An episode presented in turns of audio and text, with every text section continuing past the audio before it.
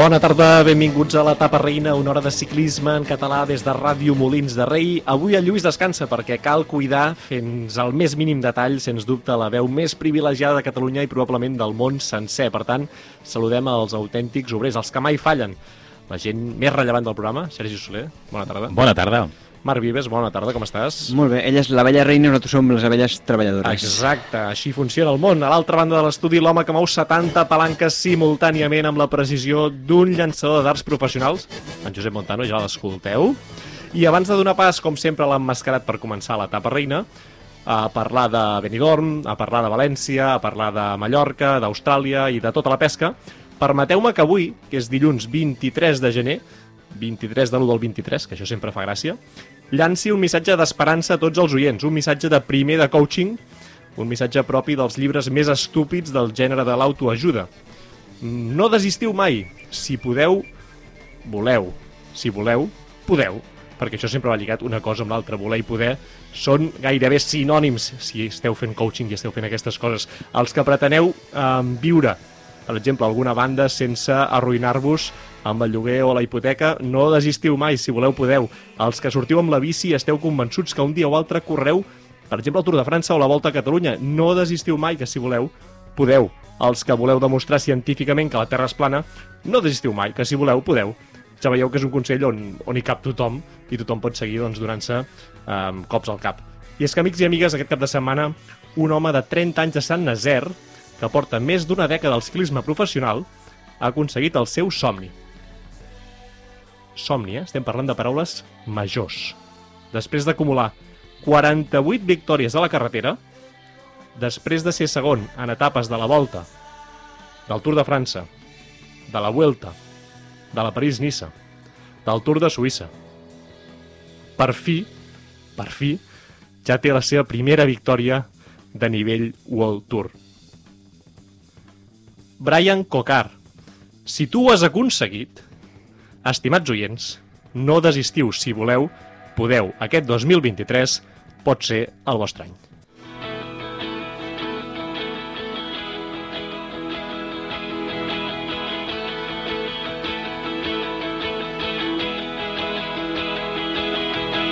I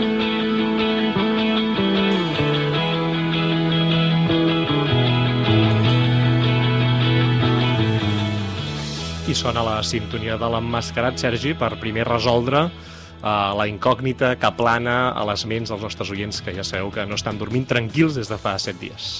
Efectivament, estan doncs, uh, fent ballar uh, el cap, uh, pensant, imaginant qui pot ser aquest ciclista australià que vaig esmentar al darrer programa, un clàssicòmen que, que precisament havia guanyat la, la seva última victòria a la general del Tour de Donander que hem pogut eh, disfrutar doncs, aquests dies és en Simon Simon Gerrans un home que no queia massa bé en general no, no, són d'aquelles persones que són així com un el mateix Cadel Evans jo crec o, o, o, aquest tipus de de rictus facials, així com molt... Els, molt... els australians que no semblen australians. Sí, però hi ha una mescla important allà. Allà són feliços, en general. Sí, sí viuen en un lloc bastant xulo, crec. Va, anem amb les pistes per descobrir l'emmascarat d'avui. Som-hi. Som, -hi. Pista 1. El nostre ciclista d'avui va debutar l'any 2006. Pista 2. De nacionalitat argentina. Pista 3. El seu primer equip professional va ser el Ceràmica Panària Navigària. Pista 4. La seva especialitat són els sprints. Pista 5. Eh, la darrera victòria professional eh, és eh, doncs el, els Jocs Panamericans, la prova en ruta, del 2019 i pista 6. La pista 6 és una pista mm, interessant. Eh, aquest ciclista es retira dilluns vinent. Caram, doncs un mascarat eh, especialment lligat a l'actualitat, des de 2006 actiu fins a 2023, uh -huh. per tant, trajectòria llarga, llarga, llarga. No sé si els oients ja saben el DOM, en tot cas sabeu que podeu jugar amb nosaltres a xarxes socials, us anirem preguntant de tant en tant, allà podeu respondre qui considereu oportú i la setmana que ve ho resoldrem aquí a l'etapa reina. Fet l'emmascarat, Montano posa qualsevol sintonia que nosaltres anem a parlar de ciclocross.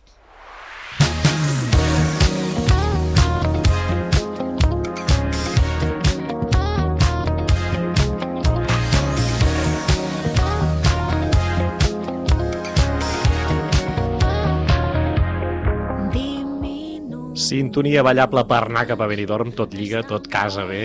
Benidorm, gran localitat, a mi em recorda um, per no desmereixer altres indrets dels països catalans, uh, des de Marina, un, un mix entre Marina d'Or i Empúria Brava. No sé per què, em fa lligar una mica això i llavors li sumes edificis alts i, i ja tens una mica la imatge que jo tinc al cap de Benidorm, on, per cert, l'última que hi vaig estar, uh, vaig veure un cert espectacle dantesc entre persones sense samarreta uh, de sexe masculí.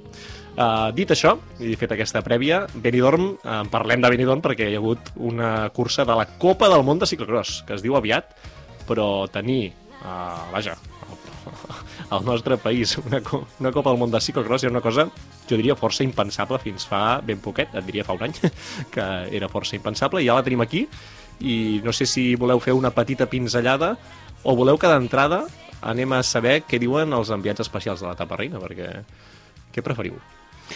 Jo crec que sí, no? ja que tenim uh, aquesta sort no? de, de poder repartir gent pel territori, doncs... Uh... Doncs va, escolta, em presenta els Marc, que ens situes aquí, ens explicarà com ha viscut això, in situ, eh? perquè són persones de Molins de Rei que han anat uh, fins a Benidorm a gaudir del ciclisme pur per excel·lència, l'elit mundial estava allà.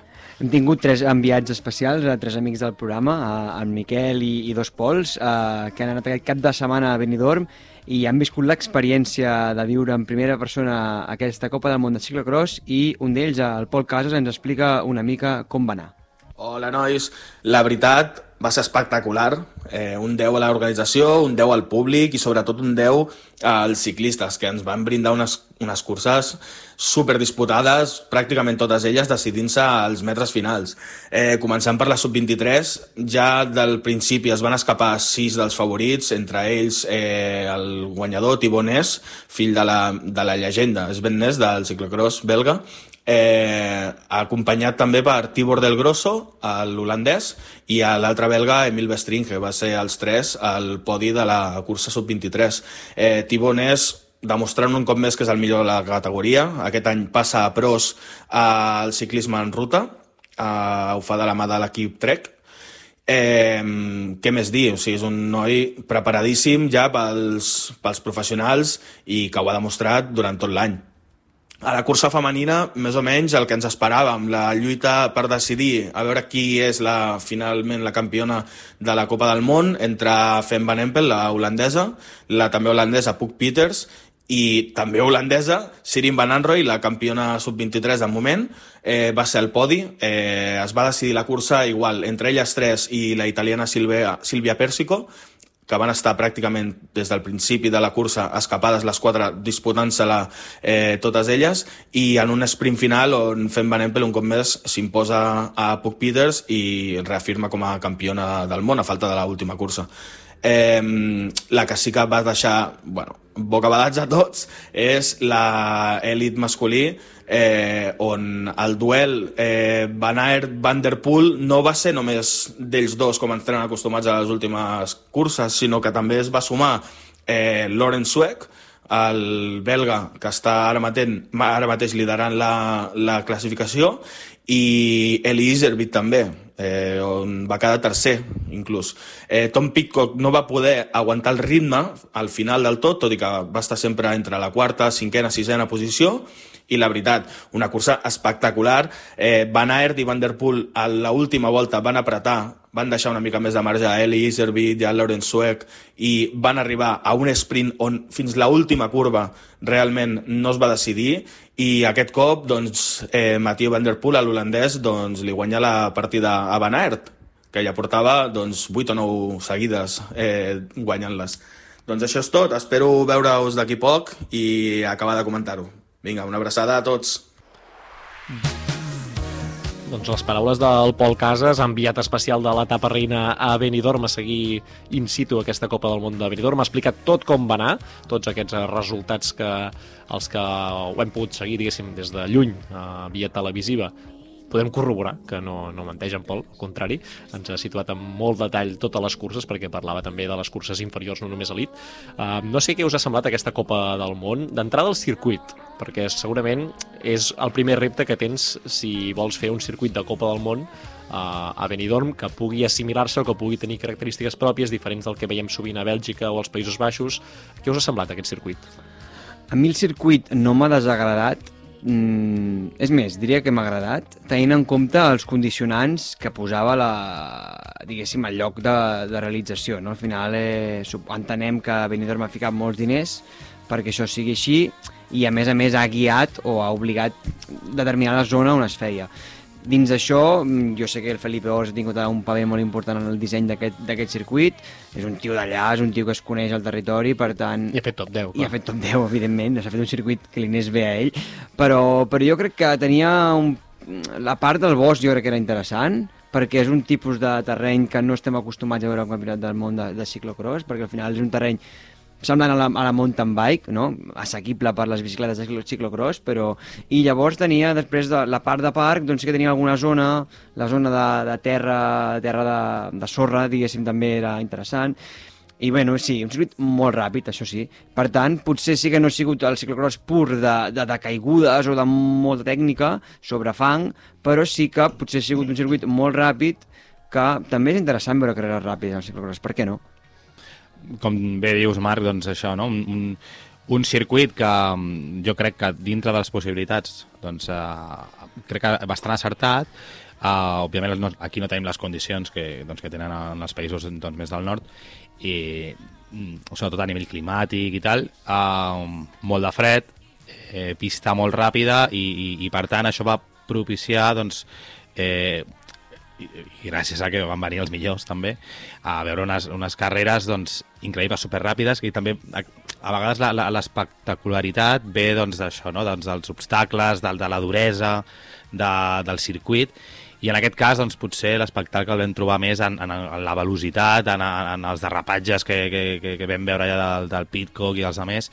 Uh, va ser un, un, jo crec que doncs, un, un autèntic espectacle. Realment, ostres, l'any vinent a veure si podem anar-hi, perquè em, em vaig morir d'enveja veient, doncs, bueno, no? aquí hem comentat els Pols i el Miquel que estaven allà, aquestes 15.000 persones que, doncs, que van que van assistir i que van poder disfrutar de totes aquestes curses tan xules i, i, i bueno, personalment me n'alegro moltíssim que, doncs, que es vagi creant afició amb, amb una cosa que, doncs, doncs que crec que és tan divertida, no? És que és un èxit rotund, 15.000 persones, allò que deien el sold out, no?, uns dies abans, amb una cursa de ciclocross, no deixa de ser una cosa extraordinària i, i que posa molt en valor com l'organització ha aconseguit doncs, traslladar que era important um, doncs, tenir aquesta Copa del Món aquí. L'altra cosa que deies ara, i que també ho ha citat tothom, eh, aquests noms estel·lars, és a dir, tu aconseguir que la teva primera Copa del Món que fas tinguis un duel a Van Empel Petersen o Van Der Poel Van Aert, és que, és que és estupendo. I a més mires els, no, no és només són els noms que es, que es juguen a la victòria ja als últims metres, sinó mires el top 5 masculí, per exemple, Iservirt. Uh, tens a uh, Swex o tens uh, també a Pitcock, a top 5, amb aquests dos noms que dèiem abans, categoria femenina, més del mateix, és que tens tots... O sigui, tothom estava allà, tothom ha participat, és la penúltima mm, prova d'aquesta Copa del Món, es definia ja bastant doncs, la, la general, perquè al final jo diria que els guanyadors ara ja queden força aclarits o definitivament aclarits, i per tant, no sé, ha generat aquesta sensació de que calia viure aquesta prova, tant des del públic com des dels ciclistes, i per mi això és el gran èxit. Jo crec que, que ha, han anat molt bé les dates i el lloc, perquè ha coincidit que, que molts corredors, que, que sobretot els tops, no, tant masculí com femení, també compaginen la pista a la carretera i estaven fent eh, training camps eh, Totalment. amb, amb els seus sí, equips sí. De, de carretera a la zona també on es feia sí, el sí, a Cal, no? que està al costat... Entenc etcètera, que ja sí, està buscat eh, també que tot sigui així, però, però això evidentment ha ajudat eh, i també ha propiciat potser que potser més tant en el femení com en el masculí hi haguessin convidat sorpresa, en el cas de Sílvia Persi com el femení, o el propi Lauren Suec i, i Eli Iservit lluitant amb, amb, amb els top, perquè els top venien de dues setmanes sense tocar quasi bé la, carrer, la bici de ciclocross, no? Això ha igualat un punt, el punt de forma, i ha fet carreres un punt més obertes, no?, segurament. Sí, um, sorprenent també per una banda, però és veritat això que dius. Uh, el, el nivell de, de Swick, com ve des de darrere, va tenir un problema al, al principi, per exemple, de, de, de, de la cursa, i va venir des del darrere, dic, dona, dona aquest, perquè no estava ni dels sis primers. I, o després, eh, i servit com a l'última volta, el tio s'enganxa allà i fins, que, fins a falta d'un minut realment està, uh, està enganxat no? a Van Der Poel i Van Aert. Eh, sorprenent per una banda també, m'esperava potser una mica més a nivell del, del, del Thomas Pitcock, que al final un circuit tan ràpid que pot tenir una semblança bastant gran a, a, amb la mountain bike. Ja que li anava bé, no? Que Jo crec que les condicions eren favorables. Sí, i, i sí que al principi doncs, ostres, va fer un parell de- de- de- d'apretades bones i tal, i es va deixar veure molt, però sí que al final de la, de la, de la cursa doncs, es va quedar una miqueta enrere, em va sorprendre. Doncs ens quedem amb aquests noms, el de Lauren Swick i el de Van Empel, que són això candidats a ja guanyar la Copa del Món la setmana que ve de forma oficial. Deixeu-me destacar també el nom de Lauren Molengraf, que és júnior femenina, que ha guanyat a Benidorm, però ha guanyat totes les curses d'aquesta temporada, com Cibonís, en categoria sub-23, per tant, dos noms d'aquests que van pujant i que cal fixar-s'hi perquè estan dominant, estan arrasant en el món del ciclocross, i per acabar, eh, una mica de tall de calendari que queda, això, setmana vinent, una prova, em sembla que és a França, la, la següent, i la següent, que és Fira de la Candelera pels molinencs, ja sabeu que sempre acaba coincidint més o menys amb el Campionat del Món, que serà una mica la cirereta del pastís d'aquests darrer mes, mes i mig, en què sí que ja les grans estrelles del ciclisme han decidit participar també en ciclocross i la temporada jo crec que ha eclosionat definitivament i hem vist ja curses espectaculars com aquesta de, de Benidorm, que realment ha estat molt bé. Si us sembla bé, aparquem ciclocross, que la temporada de ciclisme en carretera per fi ha arribat a Europa i ho ha fet també al País Valencià.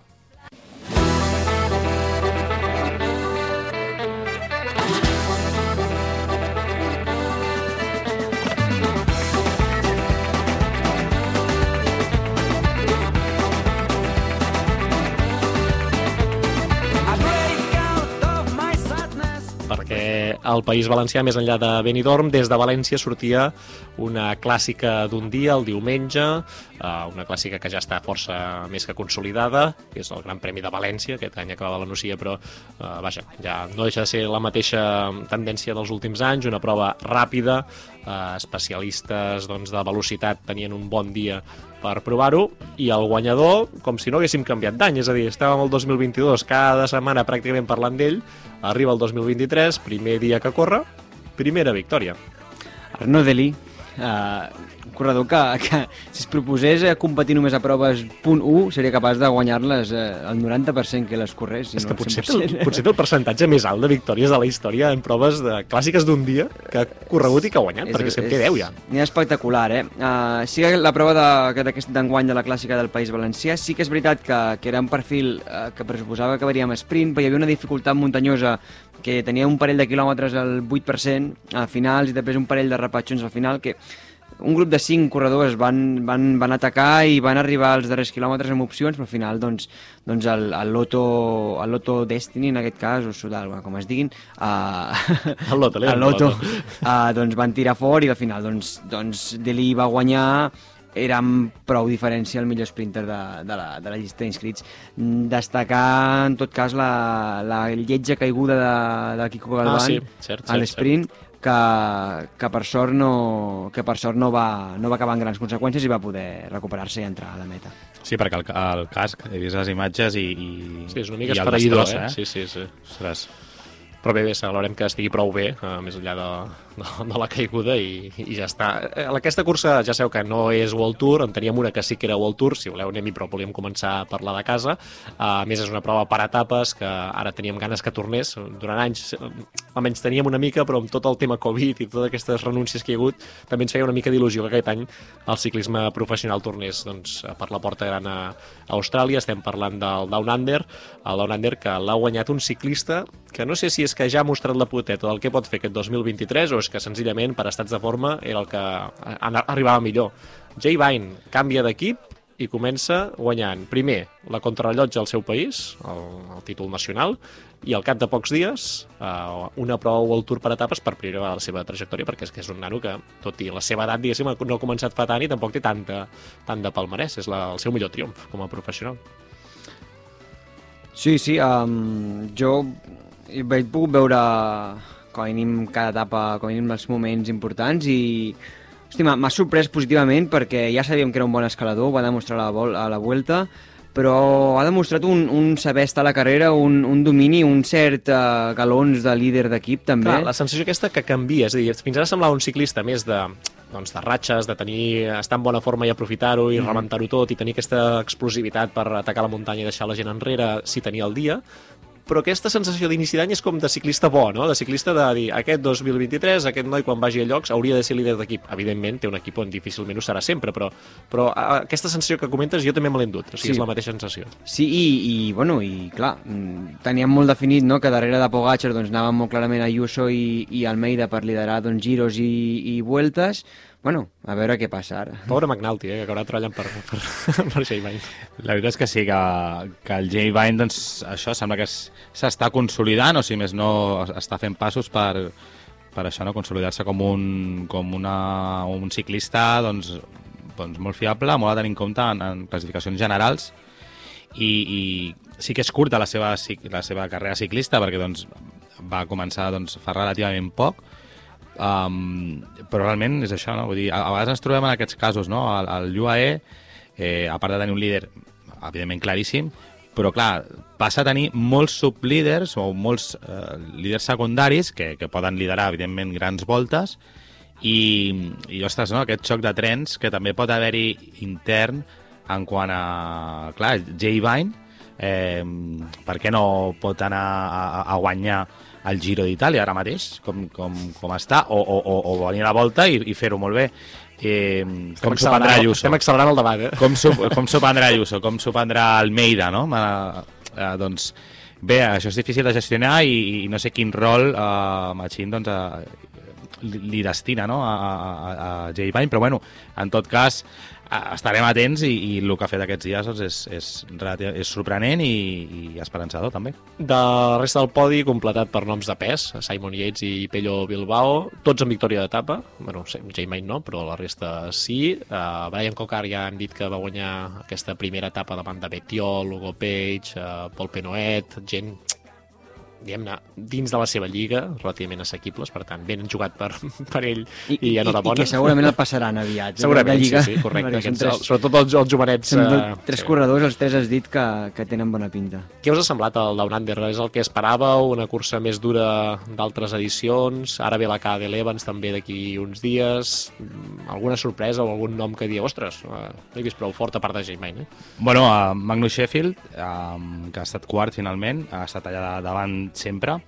Um, un corredor, recordem, que té 20 anys, que ja es va deixar veure l'any passat a, a les clàssiques de, de primavera, eh, amb 19 anys demostrant un, un nivell increïble i, i aquest any sembla doncs, això, no? que, que realment ho està confirmant. Um, estic mirant el seu calendari, comença, o la següent cosa que farà seria la, la Omplot, eh, i, i veig que en principi bueno, no posa res de... Bueno, va l'Estrade Bianche, eh, això sí, i, i, Sempre engelada, sempre engelada. Sí, i és un, és un ciclista que, que jo crec que haurem de tenir molt en compte aquesta primavera, perquè, de fet, bueno, quan vam fer les apostes a, o els pronòstics a, a, el, el vas dir tu, no? A, no el vaig dir amb ell concretament, però sí que vaig dir l'Ineos, que, que ho faria molt bé a, a, a, a, a les clàssiques. Doncs va, punt per tu, de pensant moment. amb ell. I crec que, que el temps em donarà la raó. Va, que tenim dues curses que també ja han començat, no han acabat, evidentment, perquè són per etapes i acaben de començar. Un és a, a Gabon, que és la, la tropical a Missa Bongo, Uh, em sembla que ha estat Geoffrey Sup el primer vencedor d'etapa. L'altre és uh, la Vuelta a San Juan, això és l'Argentina. Aquí Sam Bennett va ser el primer en alçar els braços. Uh, D'aquestes curses, comentaris que vulgueu fer, hi ha hagut, em sembla, una caiguda bastant tremenda a, a l'Argentina. Uh, no sé si voleu comentar alguna bueno, d'aquestes coses. No, no, no, caiguda no hi ha hagut. Ah, caiguda no. No, el, Què passa? si Què podem, passa? ho, podem, ho penjarem a les xarxes, vull dir, potser hi ha, hi ha gent que ja ho ha vist, però a falta de de l'últim quilòmetre. Mm, està la, la carrera, evidentment, superllançada, el, el treno del de Koenig està doncs, pràcticament muntat, eh, i de cop i volta en un revolt a l'esquerra es troben un... Sí que és una avinguda gran, però hi ha com una illeta al mig, amb tot de gent. O sigui, sí, públic. Sí, sí, és, és, és bastant flipant. La, la imatge és de, de, de, de, de bojos, o sigui, no sé com no va passar res. És, és... És que a mi m'heu dit, s'ha liat grossa, no? Però no sabia ben bé no, què no, no, pensat i clar, caiguda. per però, clar, sort, això, això, això, però a, a més sense senyalitzar, sense el típic... Estaven allà. Eh, estaven allà, hi havia una illeta al mig Com amb gent... mira un rally d'aquests que et passa Sí. a la roda allà al costat i que penses, però què fas aquí? I, i clar, tot això a, a, a 70 km per hora que estaven venint.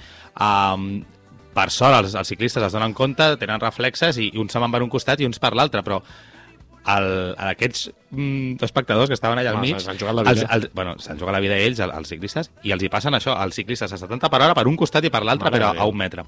Uh, el, el vídeo de la- de l'arribada, si el podeu buscar per Twitter o intentaré penjar-lo, és bastant, bastant sorprenent i, i, i, i, bueno, i a vegades ja ha passat, no?, el Tour de, a, a Turquia, també hem, hem vist finals, eh, o no sé si era Eslovàquia, Croàcia, Eslovènia, Croàcia, Dantescos d'aquests que dius, Clar. sort que no passa sempre No, el però és pitjor. molt perillós, I això s'hauria de tenir més en I compte. va, I, i, I va afectar greument el desenvolupament de la- de l'etapa perquè els que se'n van anar pel cantó esquerre van, van perdre Clar, diguéssim, clar, el ritme clar, i allà estava Jacobsen, que és el que estava llançant, doncs I es va quedar, favorit, es va quedar el Mor- favorit Morkov, indiscutible, sí, Morkov sí, crec sí. que acaba segon, però perquè era el llançador de, de Jacobsen.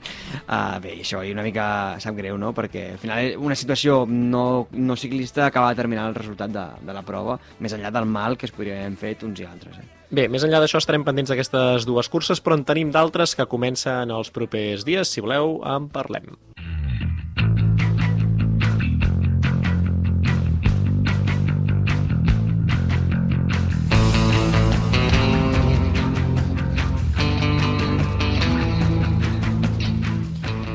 Us explicava que la propera cursa World Tour eh, serà la Cadel Evans, evidentment també amb la seva cursa femenina d'aquest nivell World Tour, que el diumenge tindrem la Marsellesa, una clàssica d'un dia en territori francès, però la que més ens interessa és la que comença aquest dimecres, eh, que és la Challenge de Mallorca, que ja seu és una de les curses més singulars o especials de la temporada perquè són 5 curses, aquest any són 5, ja veieu que alguns anys han estat um, 4, uh, cada any doncs, en funció de pressupost, de tot plegat doncs, han tirat endavant d'una manera o d'una altra, però són 5 curses en 5 dies diferents que formen aquest nom de la Challenge, tot i que cadascuna puntua per separat, més enllà que l'organització doncs, uh, busqui maneres de lligar-les, però al final cadascú de cada cursa, cada dia tens ciclistes inscrits diferents, perquè els equips acostumen a portar doncs, el que dèiem abans, o blocs de pretemporada, ens interessa que facin dos proves d'aquestes cinc o tres, o només una, i llavors cada dia tens una llista d'inscrits que va variant, sempre amb un volum de noms més o menys similars, a més són noms um, de pes, hi ha la Filip, Almeida, Guirmay, uh, McNulty, Aramburu, Wellens, Merlier, Barguil, Guillaume Martin, Poules, Trentin, Asgreen, o sigui, són noms, uh, evidentment, tot això acompanyats d'altres noms amb no tant, amb no tant de pedigrí, però però vaja, que hi ha un nivell altíssim i que la gràcia és anar veient cada dia curses diferents, perquè també hi ha dies que són de muntanya, dies que són més per velocistes, dies en què una escapada pot triomfar perfectament. Us agrada aquest format de la Challenge?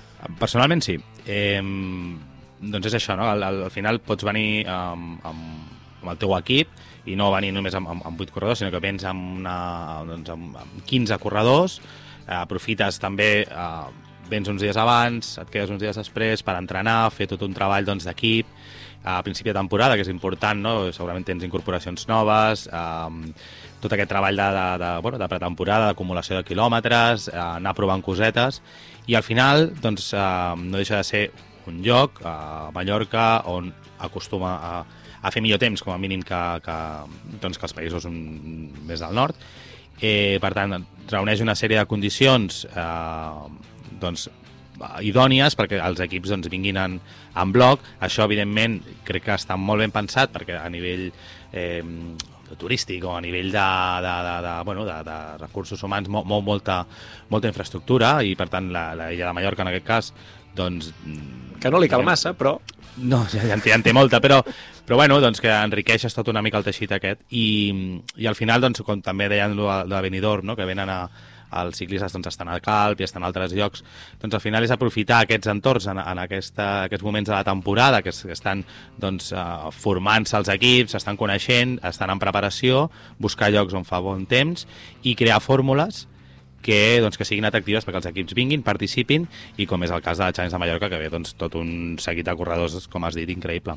sabeu que a part d'aquest eh, llistat de noms espectacular, hi ha una selecció espanyola que està inscrita eh, doncs, eh, també per aquests dies, són 10 ciclistes, i és la selecció espanyola de ciclisme en pista, que de fet està preparant l'europeu que es disputa del 8 al 12 de febrer a Suïssa, i d'aquests 10 noms n'hi ha uns quants que són de casa, són de Mallorca. Un d'ells és mallorquí de 19 anys, per tant molt jovenet, es diu Marc Terrassa, i aquesta setmana, de fet a partir d'aquest dimecres, competirà per primera vegada en una prova de carretera eh, davant l'elit del ciclisme mundial. I què hem fet a l'etapa reina? Doncs hem parlat amb el Marc, li hem preguntat què significa per ell competir a la Challenge. És la carrera que tot mallorquí vol córrer, és el somni de carrera que vol córrer tot mallorquí. Uh, des de que tenc 3 anys vaig a veure cada any la Challenge i típic fan que demana bidons quan és petit, quan vaig ser gran i vas disfrutant més del ciclisme, te'n dones compte de lo dur que és estar allà, doncs enguany pot, tenc l'oportunitat d'estar allà. Sé lo molt que m'ha costat arribar fins allà i lo molt que em queda per estar dins aquesta categoria de manera oficial, perquè ara la veritat és que tinc una oportunitat per córrer amb la, a la selecció espanyola, però m'agradaria d'aquí uns anys poder córrer amb un equip professional allà assentat dins, dins la categoria professional. En Marc és de Sineu, eh, que és una de les poblacions per on passarà la cinquena i darrera prova de la Challenge, que és el trofeu Palma Palma, que és més per sprinters aquest, per exemple, i per tant tindrà aquesta oportunitat que no tots els ciclistes poden dir, que és córrer davant de casa, davant la teva gent, en una cursa davant d'alguns dels millors del món. Com afronta aquest moment? L'etapa final passa tres vegades pel meu poble i hi ha un sprint especial. I la veritat és que aquesta sí que sí que és una etapa important per, per això, perquè estaran tots els meus amics, tota la meva família, ja hi ha pancartes posades pel poble, o sigui que, que sí que em fa bastanta il·lusió. No ens estranya que li faci il·lusió, perquè, ostres, això, pancartes ja posades uns dies abans, però quan arribi el Marc per allà, estigui doncs, fent el que estigui fent en cursa, doncs segur que hi haurà un moment molt emotiu, perquè són doncs, molts anys intentant arribar a aquest moment i el viu just, això, davant de casa teva, la primera setmana que estàs competint a, a aquest nivell. Va, acabem amb ell, que mm, hem de tenir clar que la Challenge, doncs això, ho explicàvem, només és un preparatiu, teòricament, doncs, per aquesta cita al velòdrom del mes de febrer, sigui com sigui, a la pràctica, ja que hi ha d'anar, quins objectius objectius té en Marc aquests dies? L'objectiu d'aquesta challenge és disfrutar, no és disputar, òbviament, perquè la categoria és molt gran i encara no tenim el nivell, o almenys jo no tinc el nivell, però bé, s'intentarà fer el millor possible, a lo millor intentar-nos ficar dins alguna fuga o, o simplement estar dins el pilot disfrutant d'estar entre els millors corredors del món, com Julián Alaphilippe, Casper Algrin, bo, que se'm posa la pell de gallina només de, de nombrar els noms, i més enguany, que enguany també és un dels anys que hi haurà més nivell, perquè la gent apuntada, la gent preinscrita que hi ha, són d'alt nivell i hi ha anys que, que venen els gregaris i ja està, però, però segur que el 2023 ha començat amb molta força i els equips volen començar fort.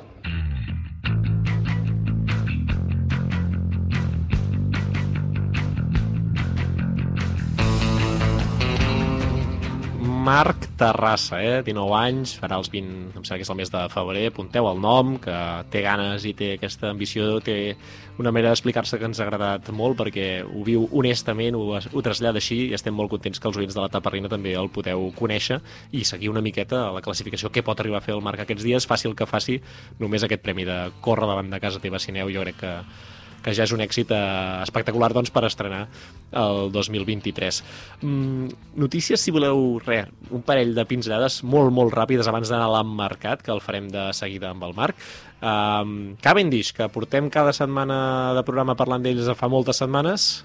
Marc, què ha fet el Marc? Doncs s'ha confirmat allò que ja sabíem, uh, és que ha fitxat per, per Astana i ha fitxat en parella amb, amb què es vol, Eh, per tant, estan a un equip que, que sabem l'any complicat que tot el 22, una plantilla que no té cap gran nom a priori o li costarà sumar punts per mantenir-se també el World Tour i que evidentment en marcar Cavendish i que es vol doncs segurament tindrà un paper molt, molt important a, a aquest any a l'equip. L'altra notícia que l'hem comentat a xarxes, però també volíem fer referència aquí, perquè és l'equip de, de casa nostra, que és el Massi Tàctic, eh, el llot nou. No sé si heu vist la sensació que ha causat a xarxes, però és espectacular perquè jo he vist mm, gent de tot el món comentant el mallot del Massi Tàctic perquè el consideren, no, no allò típic que comentes perquè és una horterada o perquè és lleig, al contrari, el comenten perquè és molt bonic i la gent això jo trobo que està bé posar un valor aquí. Sí, sí, um, quan el vaig veure destacat, ostres, que xulo. Eh, realment és un canvi bastant gran, perquè van passar del blau, turquesa i tal, i doncs aquests colors més, més càlids, no? I, i, i m'ha encantat, i vaig veure gent pel Twitter no, preguntant ostres, eh, si hi hauria la, la versió masculina, no?, pel, pel tema Sí, de, sí, de, sí, de, sí. del tallatge i tal. Que l'equip comentava allà al Mm, mateix sí, perfil sí. nostre que sí, que, que s'espereu uns dies i que ja la teniu pues, disponible. eh, molt guai, inclús el, el nostre amic eh, Benji Naesen també va, va, se'n va fer ressò, va compartir el, el, el mallot i sorprès i, i de- d'això, no? Doncs que, hòstia, que xulo, no? Molt bé, molt bé. Una, un, crec que és un acert. Doncs amb moltes ganes de veure el Massi Tàctic aquesta temporada fent coses, coses molt ben fetes amb la plantilla nova doncs, que, que està presentant. Aquests dies, de fet, estan en concentració eh, doncs, ultimant tots aquests detalls. Nosaltres ara mm, reservem un espai, uns minuts per conèixer una jove promesa del ciclisme. Ja sabeu que ens encanta presentar els noms del futur i ho fem sempre amb l'emmarcat.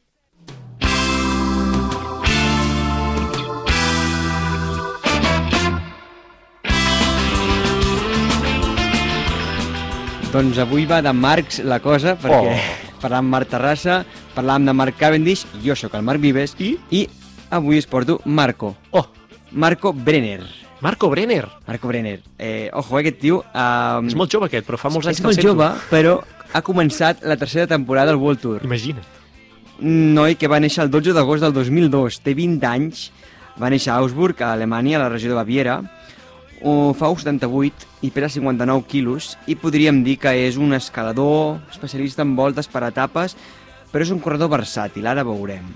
Ell, a més a més, eh, com a curiositat, eh, sponsoritza i acompanya de prop a, a un equip juvenil alemany, el team Marco Brenner, on ell fa molt de mentor i ajuda també molt els, els joves. Hi ha un I, fet, team Marco Brenner. Team eh? Marco Brenner competint a la lliga, a la lliga juvenil, diguéssim, alemanya, i ell entrena amb ells durant l'hivern i els dona consells de, de primera I mà. té 20 anys, eh? I té 20 anys.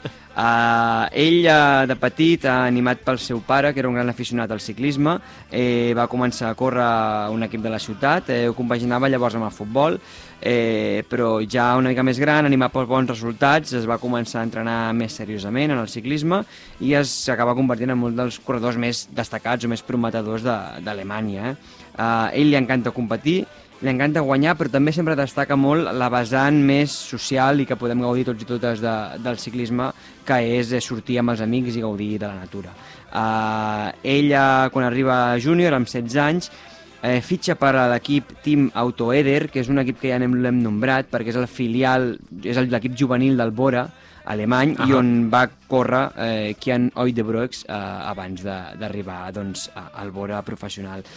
Eh, atenció, el seu primer any de júnior, el 2019, aconsegueix 20 victòries, comptant a nivell nacional i també a nivell internacional a la Copa del Món, doble campió nacional i tercer al Mundial contra rellotge.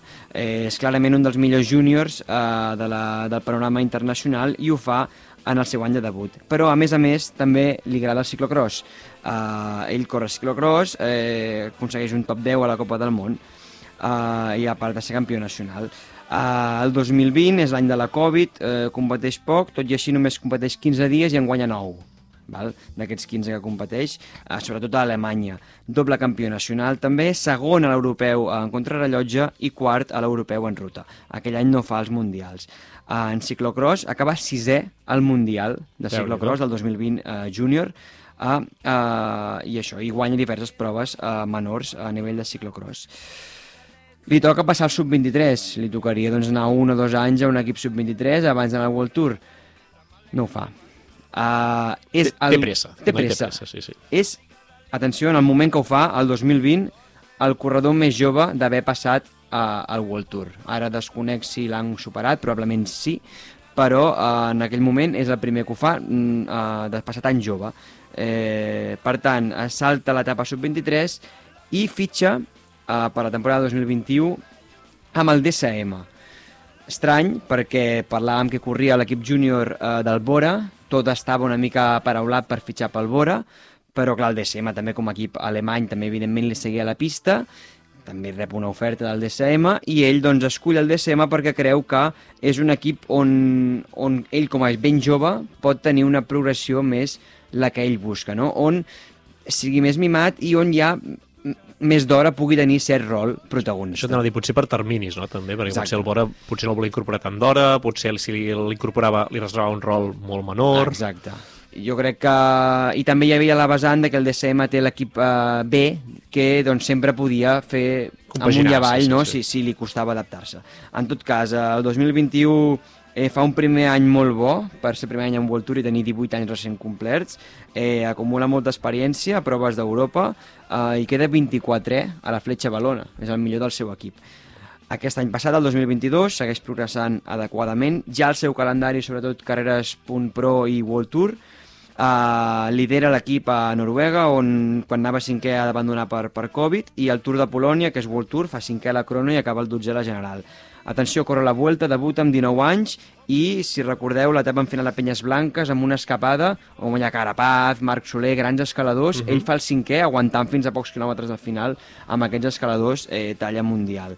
Uh, 2023 segueix el DSM, té dos anys més de contracte fins al 24, ja ha debutat a Sant Juan, tenim una etapa de muntanya crec que d'aquí a 3-4 dies a veure què fa i eh, ja està amb un rol certament de, de, de corredor important i segur que el veiem liderar diverses proves aquest any i per què no aconseguir la seva primera victòria com a professional.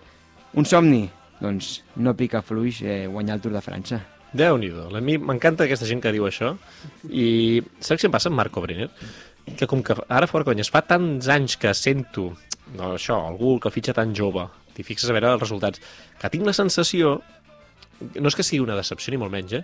però que el, la, la seva progressió és raonable, va fent passet a passet, però com que de vegades veus monstres aquests que amb 19 anys ara fitxes no sé què i el primer any estàs guanyant no sé quantes coses, tens la sensació que ell com que ja li hagués passat l'arròs, no? sé, és, és, és mental, és dir, ja sé que no és així ni molt menys i que està fent els passos precisament més sòlids dels que segurament hem comentat aquí en moltes ocasions. Però em passa això amb Marco Brenner, que espero ja sempre que faci alguna gran cosa i sempre estic una mica a l'espera. I sí. és suposo per això, per la mm. impaciència que ens està generant el ciclisme eh, d'elit ara darrerament amb les grans promeses que despunten ràpid. Sí, però si t'hi fixes, a Pogacar, quan va guanyar el Tour, que tenia 22, no? Crec. No, no, per edat, és que encaixa en tot. Remco, 22 també crec que era guanyant la Vuelta. És a dir, uh, i, i ara era una sorpresa que guanyessin amb 22 anys una gran volta. Si Brenner aquest any Ho fa bé. ho fa sí. bé i guanya una etapa o una volta menor, haurà guanyat una etapa o una volta menor en 20 anys. Sí, no, no, és que és una Vull bestiesa. dir, segueix sent molt precoç. Totalment, totalment. No, no, no, ens apuntem al nom de Marco Brenner, que segurament els que seguiu el ciclisme us sona, però aquí l'hem explicat i l'hem situat perfectament al detall amb l'emmarcat. Um, hem d'anar acabant el programa, tenim un bloc final. Uh, hi ha una cançó, Josep, que doncs hem pensat que avui faria bé per iniciar doncs, un bloc petit dedicat a la Volta Ciclista a Catalunya, perquè és una cançó que serà la cançó oficial de 2023. Houston, Houston, no hi ha ni un problema. Els propulsors a foc i un pari a la cabina perquè Houston, Houston, no hi ha ni un problema. Quan se'ns congela el cor, això és nitroglicerina perquè... Escucha, xato, i flipeu que això no torna a parar. Si carat com un pinzell que avui surts a matar. Que aquí, que pedimos otra, que la festa se... Una cançó que al Marc Vives li encanta. Marc, eh, què n'opines? Jo com a votant d'aquesta cançó, doncs encantat de que hagi sortit. Sempre va bé que hi hagi varietat eh, d'opinions, de parers, de vots diversos. Ha estat segurament una competició igualada. Saxeni és aquest grup de, de Lleida doncs, que ha aconseguit aquesta victòria en aquest concurs que organitza ICAT. Deixeu-nos dir algunes coses de la volta, perquè hem passat algunes coses. La primera és que ha anunciat aquesta cursa ciclista als equips eh, convidats per l'edició de 2023. Alguna sorpresa? Algú que us hagi quedat al tinter? Algú que penseu que està ben convidat perquè portarà segurament... Jo, per exemple, l'Uno X Pro, que l'any passat va debutar, aquest any ja sabeu que és un equip que anirà al Tour de França, trobo bastant encertat que la volta doncs els hi faciliti un calendari competitiu al més alt nivell que mira el Tour perquè segurament mm, doncs això, qui vagi al Tour també pot anar a la Volta a Catalunya com a cursa on tastar-se davant dels altres grans ciclistes de l'any, per exemple. Amb l'únic aquí que evidentment, en balla, al final, eh, però és un tema personal, és el, el tema de doncs, l'Israel, que crec que potser hi ha altres equips que, que, que també tenen el mateix nivell, o inclús, o inclús més, i potser podrien haver participat. Eh, però bé, uh, molt content doncs, que vingui l'Oto, òbviament. Sí, sí, l'important és que l'Oto hagi acceptat la, el lloc que perquè el, el necessitàvem.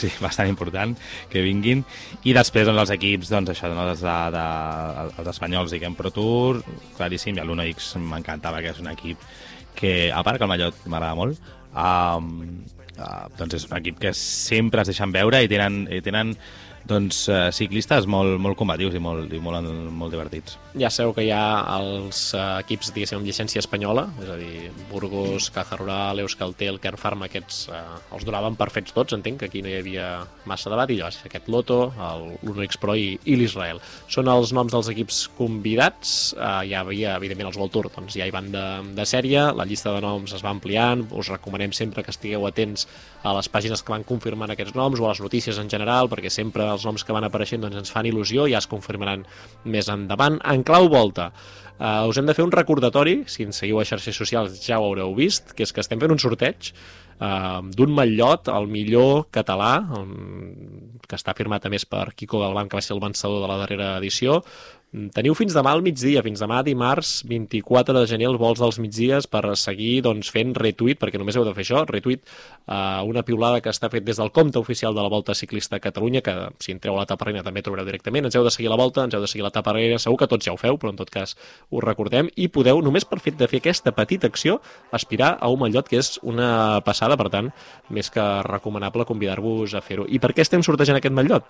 Doncs perquè si encara esteu despistats i no ens heu seguit prou els darrers dies, us recordem que a l'etapa reina estem fent el debut com a podcast oficial de la Volta Ciclista a Catalunya, que aquesta darrera setmana hem penjat el primer podcast formal d'això, uns 30 minutets de, de durada. Us recomanem i us convidem a escoltar-lo, està funcionant molt bé i n'estem molt contents i moltes gràcies per el vostre retorn que ens esteu fent. Si esteu molt, molt despistats, us hem preparat doncs, un minutet i mig de resum del que pot ser aquest podcast o aquí podeu trobar dins.